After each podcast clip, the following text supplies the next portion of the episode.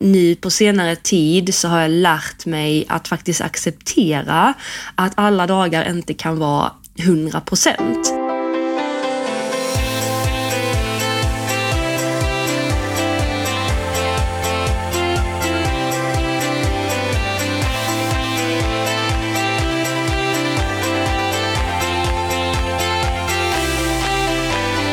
Hej Johanna! Jag skulle vilja ha lite tips på hur man tar sig ur en svacka då det känns som att allting bara går åt skogen och man känner sig nedstämd, omotiverad och så vidare.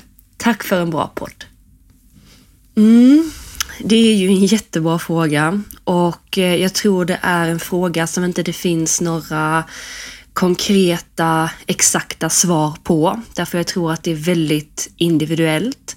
Däremot så tror jag att det är väldigt viktigt att man inser att dippar är naturliga och att det är okej okay att ha en skitdag, att ha en skitvecka, att ha en skitmånad och att faktiskt inte ta de här dipparna på för stort allvar.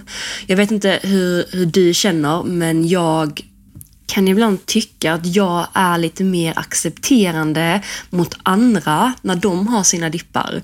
Men när det kommer till mig själv så blir det helt plötsligt en helt annan sak och man blir väldigt, eller jag blir väldigt självkritisk och tänker att jag borde inte ha den här dippen och jag känner mig så omotiverad och hur ska jag ta mig ur? Och förut så tänkte jag att jag var ganska ensam om att känna så och jag eh, gick väldigt djupt ner i de tankarna när jag kände mig omotiverad, ledsen och så vidare.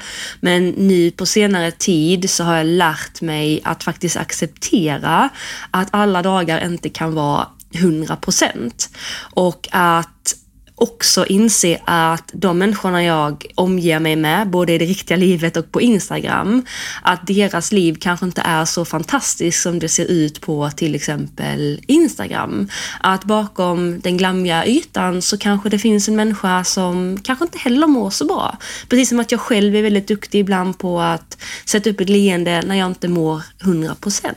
Och jag tror det är väldigt viktigt att förstå det och verkligen inse att det är okej okay att ha en dipp. Det är okej okay att vara nere. Det är, liksom, det är inte hela världen om man man har en, två eller tre eller upp till en månad som jag också har haft där man inte känner sig helt hundra. För det är mänskligt. Jag menar, det är ju en del av livet. Det är så livet är. Det går upp och det går ner. Och jag tror det är viktigt där att man inte tänker att svackan är för evigt, för det är den verkligen inte. Den kommer verkligen inte att vara för evigt. Just nu är det lite jobbigt, just nu är det lite tufft, men ingenting varar för evigt. Sen givetvis så går ju saker och ting inte alltid över av sig själv och man kanske inte kan sätta sig på soffan med en chipspåse och hoppas på att det löser sig sådär. Men däremot så tror jag det är viktigt att man ibland faktiskt checkar ut och om det nu handlar om att sätta sig med en chipspåse på soffan eller det handlar om att lägga sig i sängen med Netflix eller det handlar om att ja, stänga av mejlen en dag så är det okej. Okay. Sen någonstans är ju det också skillnad på dipp och dipp. En dipp eller några dippar kan ju handla om enstaka dagar eller några fåtal dagar där man känner att allting är lite jobbigare, lite tuffare. Vissa dagar är lite mörkare än andra och sen finns det de dipparna som sträcker sig lite längre och som kan hålla på flera månader. Och jag tror att det är viktigt att skilja lite grann på dem. Och jag tror att om man är i en sån dipp där man känner att det går flera veckor och månader utan att man hittar ja, men att man inte känner sig motiverad och man känner sig nere och sådär. Man känner tankar som vad är meningen med allt och vad är livet bra för egentligen och mm, vad gör jag ens här? Och de lite liksom djupare tankarna, då tror jag att det verkligen krävs en förändring av någonting. Att man ska bryta mönster på något vis.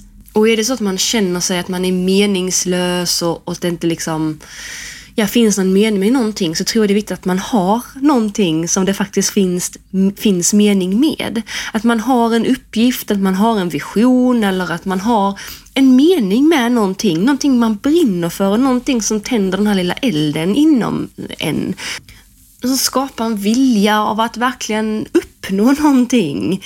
Så jag tror att många gånger så kommer den här meningslösa känslan när man, har någon, när man inte har någonting att, att se fram emot eller man känner att det inte finns någon mening med någonting. För grejen är det absolut värsta för oss människor det är när vi känner att vi inte utvecklas. Att det liksom inte finns någon rörelse framåt, att vi inte är på väg någonstans. Så därför tror jag det är viktigt att man känner att man, man faktiskt man är själv av betydelse och att man faktiskt gör någonting av betydelse som för en framåt, som gör att man utvecklas, som tar en någonstans. För har man inte det så är det väldigt lätt att man blir bekväm och man drar sig tillbaka och till slut så finner man inte mening med någonting. Och det tillståndet det är så himla farligt därför att vår hjärna den är ju skapad för att hela tiden utvecklas. Jag menar vi alla, vi vill ju hela tiden bli bättre, vara bättre, ha bättre och så vidare. Vi, liksom, vi vill ständigt utvecklas. Och därför tror jag det är viktigt att man har någonting som gör det möjligt för en själv att utvecklas. Oavsett vad det är för område. Det kan vara ett stort område, det kan vara ett litet område, det kan vara vilket område som helst. Så länge man känner att man kan utvecklas och att det finns utrymme för utveckling i det du gör. Och jag tror verkligen på det här att bryta mönster, för jag känner själv hur många gånger jag, när jag har gjort det, hur, hur det liksom har gett mig energi. Det kan ha varit att jag har träffat en ny människa, jag kan ha testat en ny sak, jag kan ha fått upp ögonen för någonting jag inte har fått upp ögonen förut. Jag har bytt jobb, jag har bytt stall, jag har, alltså jag säger inte att man ska liksom gå hem och byta stall och byta jobb, det är inte det jag säger, men att man faktiskt inte är rädd för att förnya sig, testa nya saker, gå på ett event man aldrig har gått på, eh, följ konton på Insta som man aldrig har följt, eh, våga säga hej till en ny person, skapa nya kontakter, eh, testa liksom någonting nytt med din häst. Alltså att man hela tiden öppnar upp hjärnan för att tänka i nya banor och liksom göra saker och ting som man inte har gjort förut. Och ibland kanske det gör att man får ta jobbiga beslut. Det kanske är så att man behöver säga upp en bekantskap, för man kanske har en person i sin omgivning som tar väldigt mycket energi, men som ändå är en sån där nära vän, men som faktiskt inte har sådär bra inflytande på dig. Kanske måste den relationen sägas upp. Kanske är det så att man är i ett stall där man inte alls trivs, varken hästen eller du själv, men att man inte liksom stannar där, att man faktiskt ser möjligheterna med att jag kanske kan byta stall i det fallet. Om man sitter på ett jobb man kanske inte tycker om, att man vågar kanske starta en liten egen business bredvid eller att man kanske byter plats på jobbet, att man kanske gör något annorlunda på jobbet eller att man, att man byter jobb. Och det, jag förstår hur det låter och jag, jag vill verkligen med all respekt respekt säga att jag förstår att man inte bara byter någonting. Man säger inte bara upp en relation, man byter inte bara ett jobb.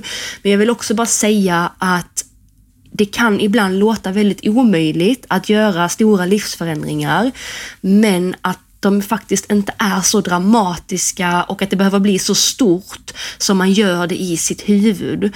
Och ibland kan en sån här stor förändring göra att man liksom på nytt föds, att man, att man får så himla mycket mer energi, att man ändrar riktning i livet. Och det här är såklart bara om man känner att man inte trivs där man är idag? Är det så att man trivs med det man gör och med dem man är med och man trivs med livet, då, då pratar vi, behöver vi liksom inte ens prata om det här. Men om det är att man, att man, bara, man bara känner mörker, man, man ser ingen mening med livet, man trivs inte på sitt jobb, man känner inte att man har ett umgänge man trivs med, så, så går det att ändra. Och jag tror det är viktigt att man inte blir fast, att man känner att det här är mitt liv och så kommer det alltid vara, utan att man hela tiden är öppen för alternativ.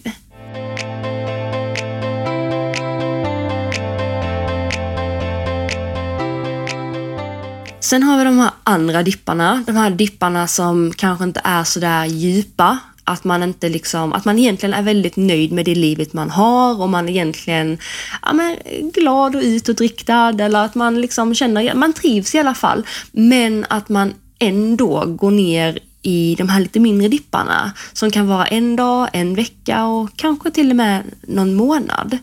Och jag ska ärligt från hjärtat säga att jag själv är i en sån liten dipp just nu. Och vad jag tror är viktigt då är att man inte, eller att vad jag gör i alla fall är att jag inte tar den så djupt utan jag tänker att det är lite grann en del av livet. Och det är normalt att känna sig lite låg emellanåt. Och det jag brukar göra då det är att jag accepterar att okej, okay, idag är en skitdag och så tar jag dagen ut efter det. Och då kanske jag inte gör sådana här jättestora saker den här dagen där man känner att liksom, att man gör saker som är jätteviktiga, utan då drar jag ner kraven på mig själv istället och bara gör väldigt enkla saker. För jag vet om att om jag går in i en sån här grej som är viktig nu så kommer jag inte kunna göra den lika bra som om jag kanske har en bra dag. Så att kan man gå ner lite grann i kraven så gör det. Har du en dålig dag, sätt inte för höga krav på dig själv. Och var liksom inte rädd för att acceptera en eller flera dåliga dagar, utan gör det du kan av de dagarna istället. Och jag, förr när jag hade dåliga dagar så försökte jag liksom fly ifrån dem. Försöka hitta saker som gjorde att jag skulle komma ifrån de här omotiverade känslorna och sådär. Men nu istället är det så här, okej, okay, jag känner mig jättenere idag av någon anledning. Okej, okay, då gör jag så här att Hästarna får skritta idag. Jag ger mig inte in i ett arbetspass med dem för jag vet om att jag kommer inte kunna göra det bra. Jag åker hem från stallet lite tidigare. Jag väntar en dag och svarar på mail och sen lägger jag mig i sängen och tittar på Netflix om det är det jag vill göra. Eller bara lägger mig och tittar på Youtube eller vad som helst. Gå ut och gå en promenad, någonting. Och så bara accepterar jag, okay, att den här dagen får jag wastea. För att det är liksom inte lönt att man går, liksom har en dipp och känner sig dålig över att ha dippen, försöker ta det lite lugnt samtidigt som man har ångest för att man borde göra någonting. Det är som att man är sugen på en godispåse och så äter man godispåsen och samtidigt har ångest. Då har man ju förlorat hela grejen. Bättre är egentligen att äta godispåsen och njuta av den. Men att äta den och samtidigt ha ångest, då förlorar man ju allting. Så då kan man lika bara strunta i och, äta godispåsen. Så med det sagt så, så det är okej okay att ha dippar och när man, när man har det, liksom lev, in, lev dig in i de dipparna. Acceptera att vissa dagar suger och liksom tänk att den här dagen, det, det, kommer inte vara för evigt. Och att en dag eller två eller tre dagar är liksom okej okay att vara nere. Men sen också att man kanske efter dag fyra eller dag fem tar ny energi och tar nya krafter och så kör man igång där man slutade. Då och någonting jag också tror är väldigt viktigt är att man inte motarbetar känslorna som kommer. Är det så att man är ledsen? Är det så att man är arg? Låt de känslorna komma. Det har hjälpt för mig extremt mycket. Förr kunde jag motarbeta, om jag var på väg att börja gråta så kunde jag motarbeta det och liksom skjuta känslorna undan. Grejen är bara att de känslorna kanske går undan just för tillfället, men kommer att komma igen. Och det är bra ibland att bara rensa ut allting som finns i kroppen. Var ledsen. Tänk liksom på allt du vill som du tycker är jobbigt. Besvikelser, vad arg, slå i någonting. Alltså, lev i känslorna för att man behöver tömma den här bägaren. För att gör man inte det så kommer den till slut att bli full. Och när den blir full, då kommer det bli väldigt mycket jobbigare att ta sig ur dem. Så känslorna kommer ju till oss av en anledning. De kommer inte bara just for fun, utan de kommer av en anledning och då måste vi ta oss an dem, även om det är jobbigt. Och, och, och liksom reda ut dem, leva ut dem för att sen kunna gå vidare.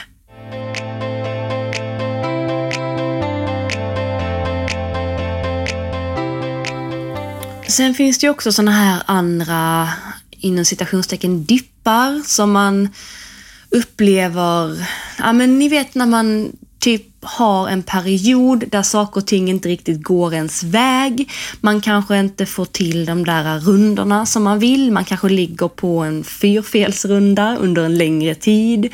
Det kan vara så att man kanske inte får till den där slitan som man verkligen har tränat på. Det är det som håller ner procenten i slutet av protokollet. Det kan handla om att man eh, ja, men inte riktigt känner att man vet vad det är man liksom ska göra härnäst och att allting bara bara står still, alltså att utvecklingen står still. Och där tror jag det är viktigt att man inte eh, heller tar det för stort utan att man verkligen tänker att okej, okay, det som händer mig här nu, att jag inte får den här nollrundan, att jag inte får till det här, kommer av en anledning. Det är för att jag ska förbättra någonting. Det är för någonting, alltså Det kommer för att jag ska lära mig någonting. Och ibland handlar det om att bara upprepa och bara upprepa och bara upprepa och bara jobba och jobba och liksom göra, göra, göra, göra tills det en dag fungerar. Och jag tror det är viktigt att man inte ger upp utan att man verkligen, trots att man inte ser resultat, ger det lite mer tid och fortsätter. Och det kan ju vara som sagt allt ifrån med, som har med hästarna att göra, att man inte får till den där slutan slitan eller man inte får till den där övningen som man har tränat så länge på eller att man på tävling som sagt då inte får till den där nollrundan och, och sådär. Det kan också handla om att man har en ny idé som man verkligen har fått upp ögonen för att göra så att man kanske skickar ut mail till företag för att få med dem på ett spår. Det kan vara att man söker efter sponsorer. Det kan vara att man har startat ett Instagramkonto som ingen verkar lajka. Alltså alla de här sakerna de här tar tid och jag tror att det är viktigt att man fortsätter med sitt engagemang, sin passion och sitt arbete trots att ingen ser det, trots att ingen ger tummen upp för det och trots att ingen creddar en för det. För att allting har verkligen sin tid och allting kommer med tiden om man bara liksom inte ger sig. Och i det fallet kan jag ta ett exempel med ryttarinspiration. När jag startade Ryttarinspiration så fanns det väldigt många olika frågetecken hos mig. Dels skulle jag starta sidan, vem skulle ens liksom titta på det, vem skulle vilja vara en del av det, vem skulle vilja följa sidan? Och om någon skulle vilja följa sidan, vad ska jag lägga upp? Vad är syftet? Jag hade väldigt mycket tvivel. Och jag satt verkligen bokstavligen ensam i ett mörkt rum på sängkanten när jag skapade den sidan. Och när jag skapade den sidan så fanns det hur många förslag i mitt huvud som helst på namn. Jag tänkte på motivation för ryttare, ryttare motivation, inspiration i hästlivet, Eh, alltså det var så många olika namn. Och jag bara, inspiration, ryttar, för inspiration, ryttar, ah, ryttarinspiration kanske vi kan ta. Och när jag tog det beslutet så var det inte så här, åh, vi kör på det, det är det bästa. Utan jag bara, nu får jag bara välja någonting. Nu kör vi ryttarinspiration. Och så var det igång. Och så startade jag sidan och då satt jag verkligen och väntade på den första liken. Det gick en timme och ingen hade likat. Det gick två timmar, fortfarande ingen som hade likat. Tre timmar gick, fortfarande ingen som hade likat. Klockan blev elva på kvällen så jag var tvungen att gå och lägga mig. Så jag sov och vaknade upp tidigt och det första jag gjorde var att gå in och kolla och se om någon hade likat. Men ingen hade fortfarande likat. Och så åkte jag till jobbet och någonstans där vid lunchtid så kom den första liken. Och den liken blev senare två likes, som senare blev tio likes, som senare blev hundra, som senare blev tusen, som senare blev tiotusen, som blev tjugotusen och någonstans nu ligger det på Facebook runt 50 000. Och vad jag vill ha sagt med det här är att till en början så hade jag egentligen ingen aning om hur någonting skulle se ut. Jag var väldigt rädd för vad andra skulle tycka. Jag ville egentligen inte dra igång någonting för jag hade inte facit. Och det var väldigt många runt omkring mig, speciellt nära vänner, som ifrågasatte mig. Som inte liksom riktigt såg det jag såg, som undrade vem som skulle ta hjälp av mig. Och hur kan en Facebook-sida leda dig in på föreläsningar? Och hur kan en Facebook-sida leda dig in på coachning? Och det var väldigt mycket kritik. Um, och hade, hade jag lyssnat på det här, eh, både på mina egna rädslor och på min omgivnings åsikter, så hade inte Ryttarinspiration funnits idag. Men tittar man idag så verkar det vara en ganska bra idé ändå. För där är ändå några stycken som uppskattar sidan. Och detta är lite grann det jag menar med att alla behöver inte se någonting i början och att man kan känna en dipp väldigt länge. Man kan känna att ingenting rör sig framåt, för det gjorde jag de två första åren när jag startade Ryttarinspiration. Två första åren, år. Vi pratar inte en dag, vi pratar inte en vecka, vi pratar inte en månad, vi pratar år. Och eh, ja, efter andra året så började det lite grann, ja, ta lite fart. Eh, och nu sex år senare så känner jag ibland fortfarande att det står still och det gör det också, det måste det få göra, men allting har sin tid. Och eh, det tror jag är viktigt att om man inte ser resultat och man känner sig lite deppig för det och man känner att ingenting händer och sådär, att man inte ger upp utan gör din grej, kör på din passion, Folk kommer att se det förr eller senare, jag lovar.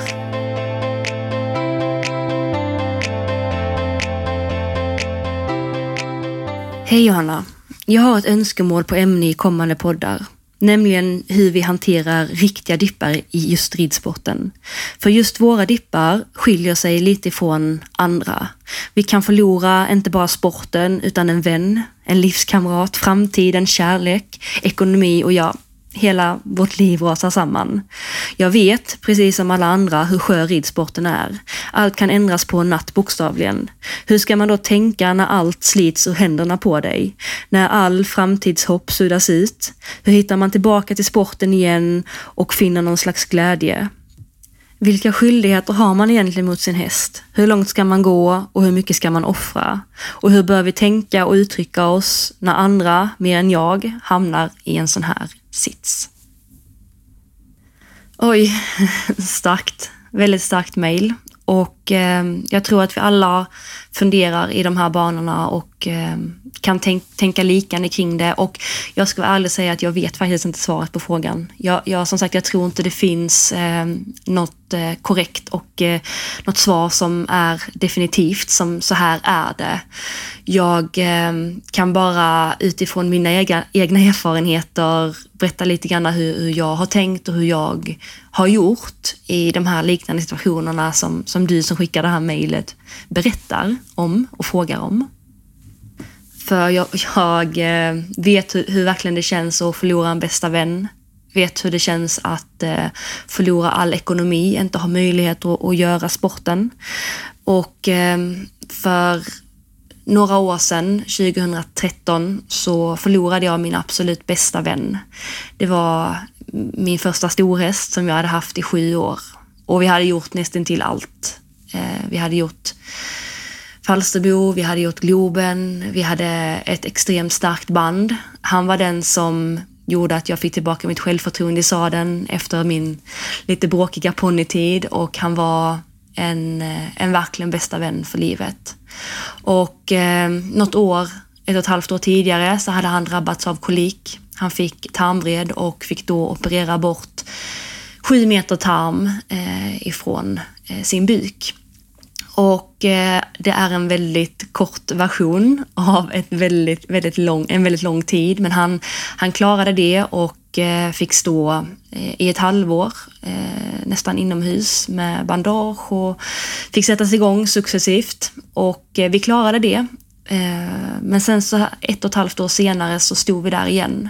Och eh, jag blev uppringd av eh, en tjej som har varit och fodrat i stallet och säger att min häst mår inte bra. Han eh, ser väldigt, väldigt, väldigt sullen ut i hela huvudet. Det, det rinner blod längs ögonen och han har antagligen kolik. Och jag, jag, kastar mig upp från sängen och kör så snabbt jag bara kan till stallet och där, eh, där står han eh, och mår fruktansvärt dåligt. Kastar sig in mot väggarna av all smärta. Och eh, jag hade en, en, eh, en tjej som hade en B-kortslastbil och eh, jag fick låna den och åka in med honom. Jag ringde både djursjukhuset och ambulansen och de sa att det bästa är om du kör in själv för att det, det handlar bara om tid. Jag vet idag inte hur, hur, bra det egentligen är och hur många risker det egentligen medförde, men jag gjorde det och jag fick in honom. Och eh, de tog in honom akut och och eh, där och då så fick jag frågan om eh, vi skulle ta bort honom eller eh, vi skulle fortsätta. Och där och då så det jag visste var att han redan hade varit igenom en sån här bukoperation. Jag visste att han redan hade tagit bort väldigt mycket död tarm. Jag visste att under det här halvår, kvartalet som jag hade haft honom Ehm, under förra koliken så mådde han väldigt dåligt. Han trivdes inte. Han var nu 17 år och eh, jag betalade fortfarande av på det lånet jag tog på eh, operationen för några år sedan. Och här och nu så står jag och frågar om de ska ta bort honom eller de ska fortsätta. Och eh, där och då så tar jag beslutet om att han ska få somna in. Dels för att jag inte har ekonomi att fixa det och dels för att jag tycker att det är fair mot hästen. Som redan har gått igenom detta och det inte finns några jättebra prognoser på att det ska, ska bli bra. Eh, för veterinären sa till mig att det, det, ser väldigt, väldigt mörkt ut. Det har gått väldigt, väldigt långt. Och rekommenderade mig också att ta bort honom. Och jag minns fortfarande hur fruktansvärt det var att eh, gå in i det här rummet när han ligger. Han har fått somna in.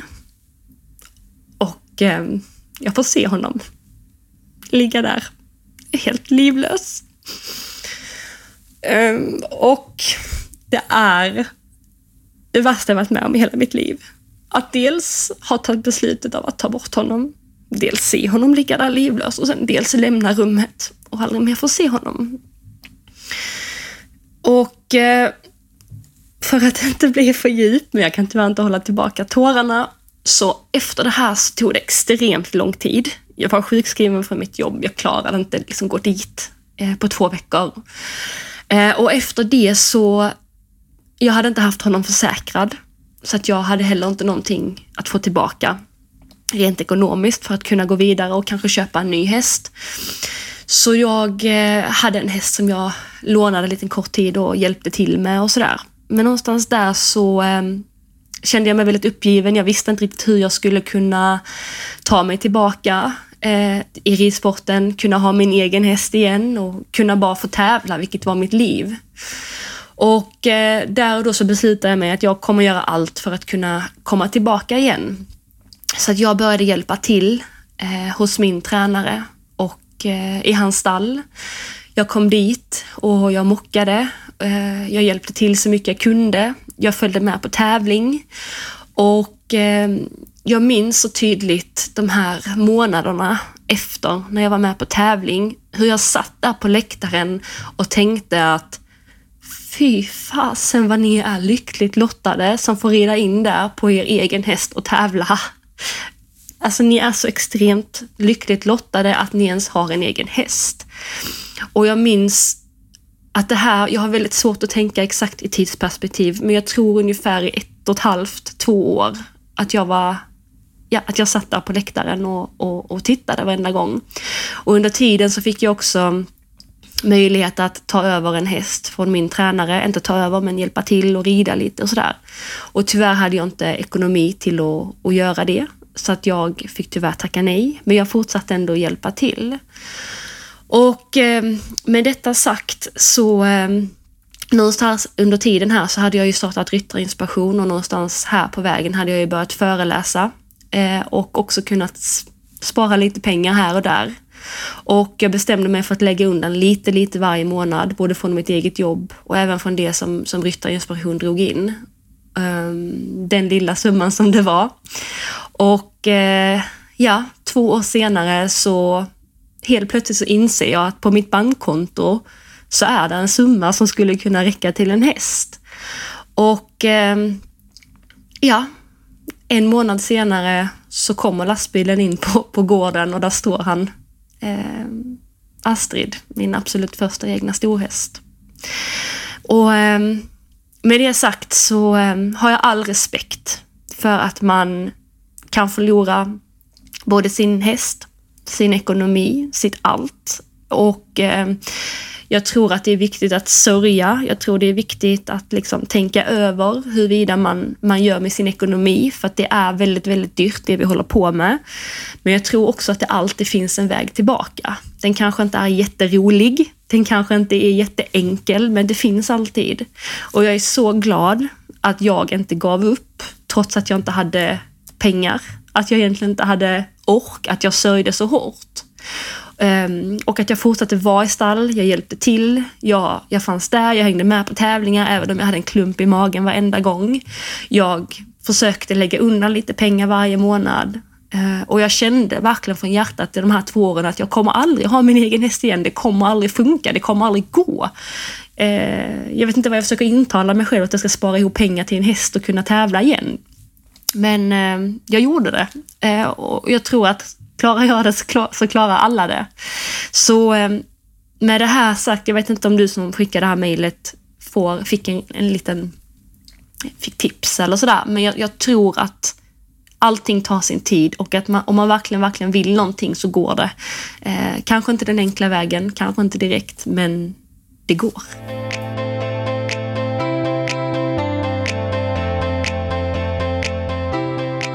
Ja, det blir ett väldigt känslomässigt avslut och eh, ja, det är ju så med våra hästar. De, de betyder ju verkligen allt och eh, kan framkalla väldigt många känslor. Eh, både positiva och ibland väldigt jobbiga. Men för att eh, sammanfatta det här avsnittet så eh, på tal om dippar, det är liksom, de, det kan finnas stora, det kan finnas mindre dippar. Men om man har en, en dipp som är väldigt, väldigt lång där man känner att man känner sig meningslös, allting är meningslöst. Det kan vara bra ibland att bara byta, bryta mönster, göra någonting annat, försöka hitta någonting att också lägga fokus på att kunna utveckla sig själv inom så att man känner att det finns en mening med någonting. Och ibland kan det medföra att man kanske måste säga upp en relation, man kanske måste byta ett jobb, man måste kanske ta ett jobbigt beslut. Men ibland är de här livsavgör, eller de här stora livsfrågorna det som ibland behövs göras för att kunna frigöra sig och, och kanske börja må bra igen. Sen de här lite mindre dipparna som kommer och man ibland under några veckor känner sig lite ner och sådär. Det är okej. Okay. Alla känner så, jag känner så. All, alltså alla gör verkligen det. Och att man inte grabbas av panik, att man fortsätter göra det man håller på med.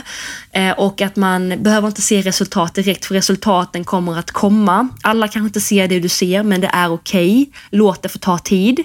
Sen också om man känner att man har en jättedålig dag, välj vad du ska göra. Du kanske inte ska trimma hästarna, du kanske ska lägga upp ett dressyrpass, du kanske ska rida ut i skogen eller låta hästarna få en vilodag eller ja, försök vara schysst mot dig själv och eh, ta den dagen och wastea den i så fall. Lägg dig på sängen och kolla Netflix eller gör någonting och sen så ta tag i det imorgon eller dagen därpå.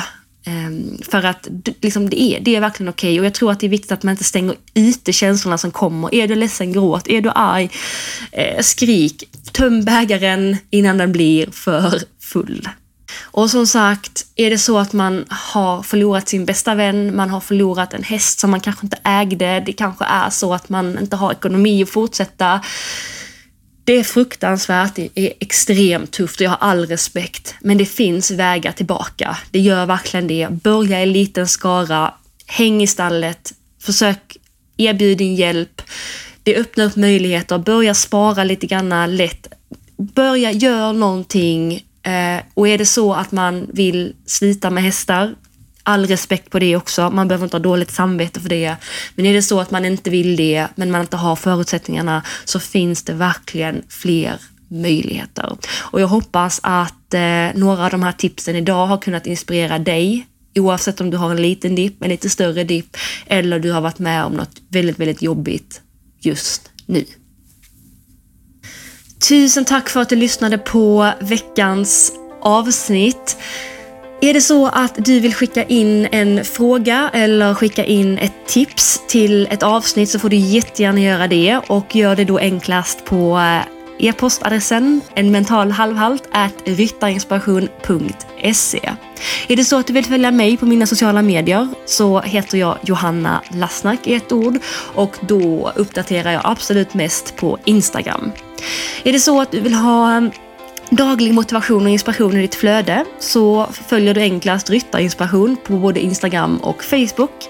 Varje dag klockan sex på morgonen på vardagar och sju på helger så läggs det upp någon form av inspiration. Så att när du går in där så vet att det alltid finns någonting att hämta. Tusen tack för att du lyssnade på veckans avsnitt. Vi ses ja, nästa vecka, nästa onsdag. Ha det jättebra så länge. Hej!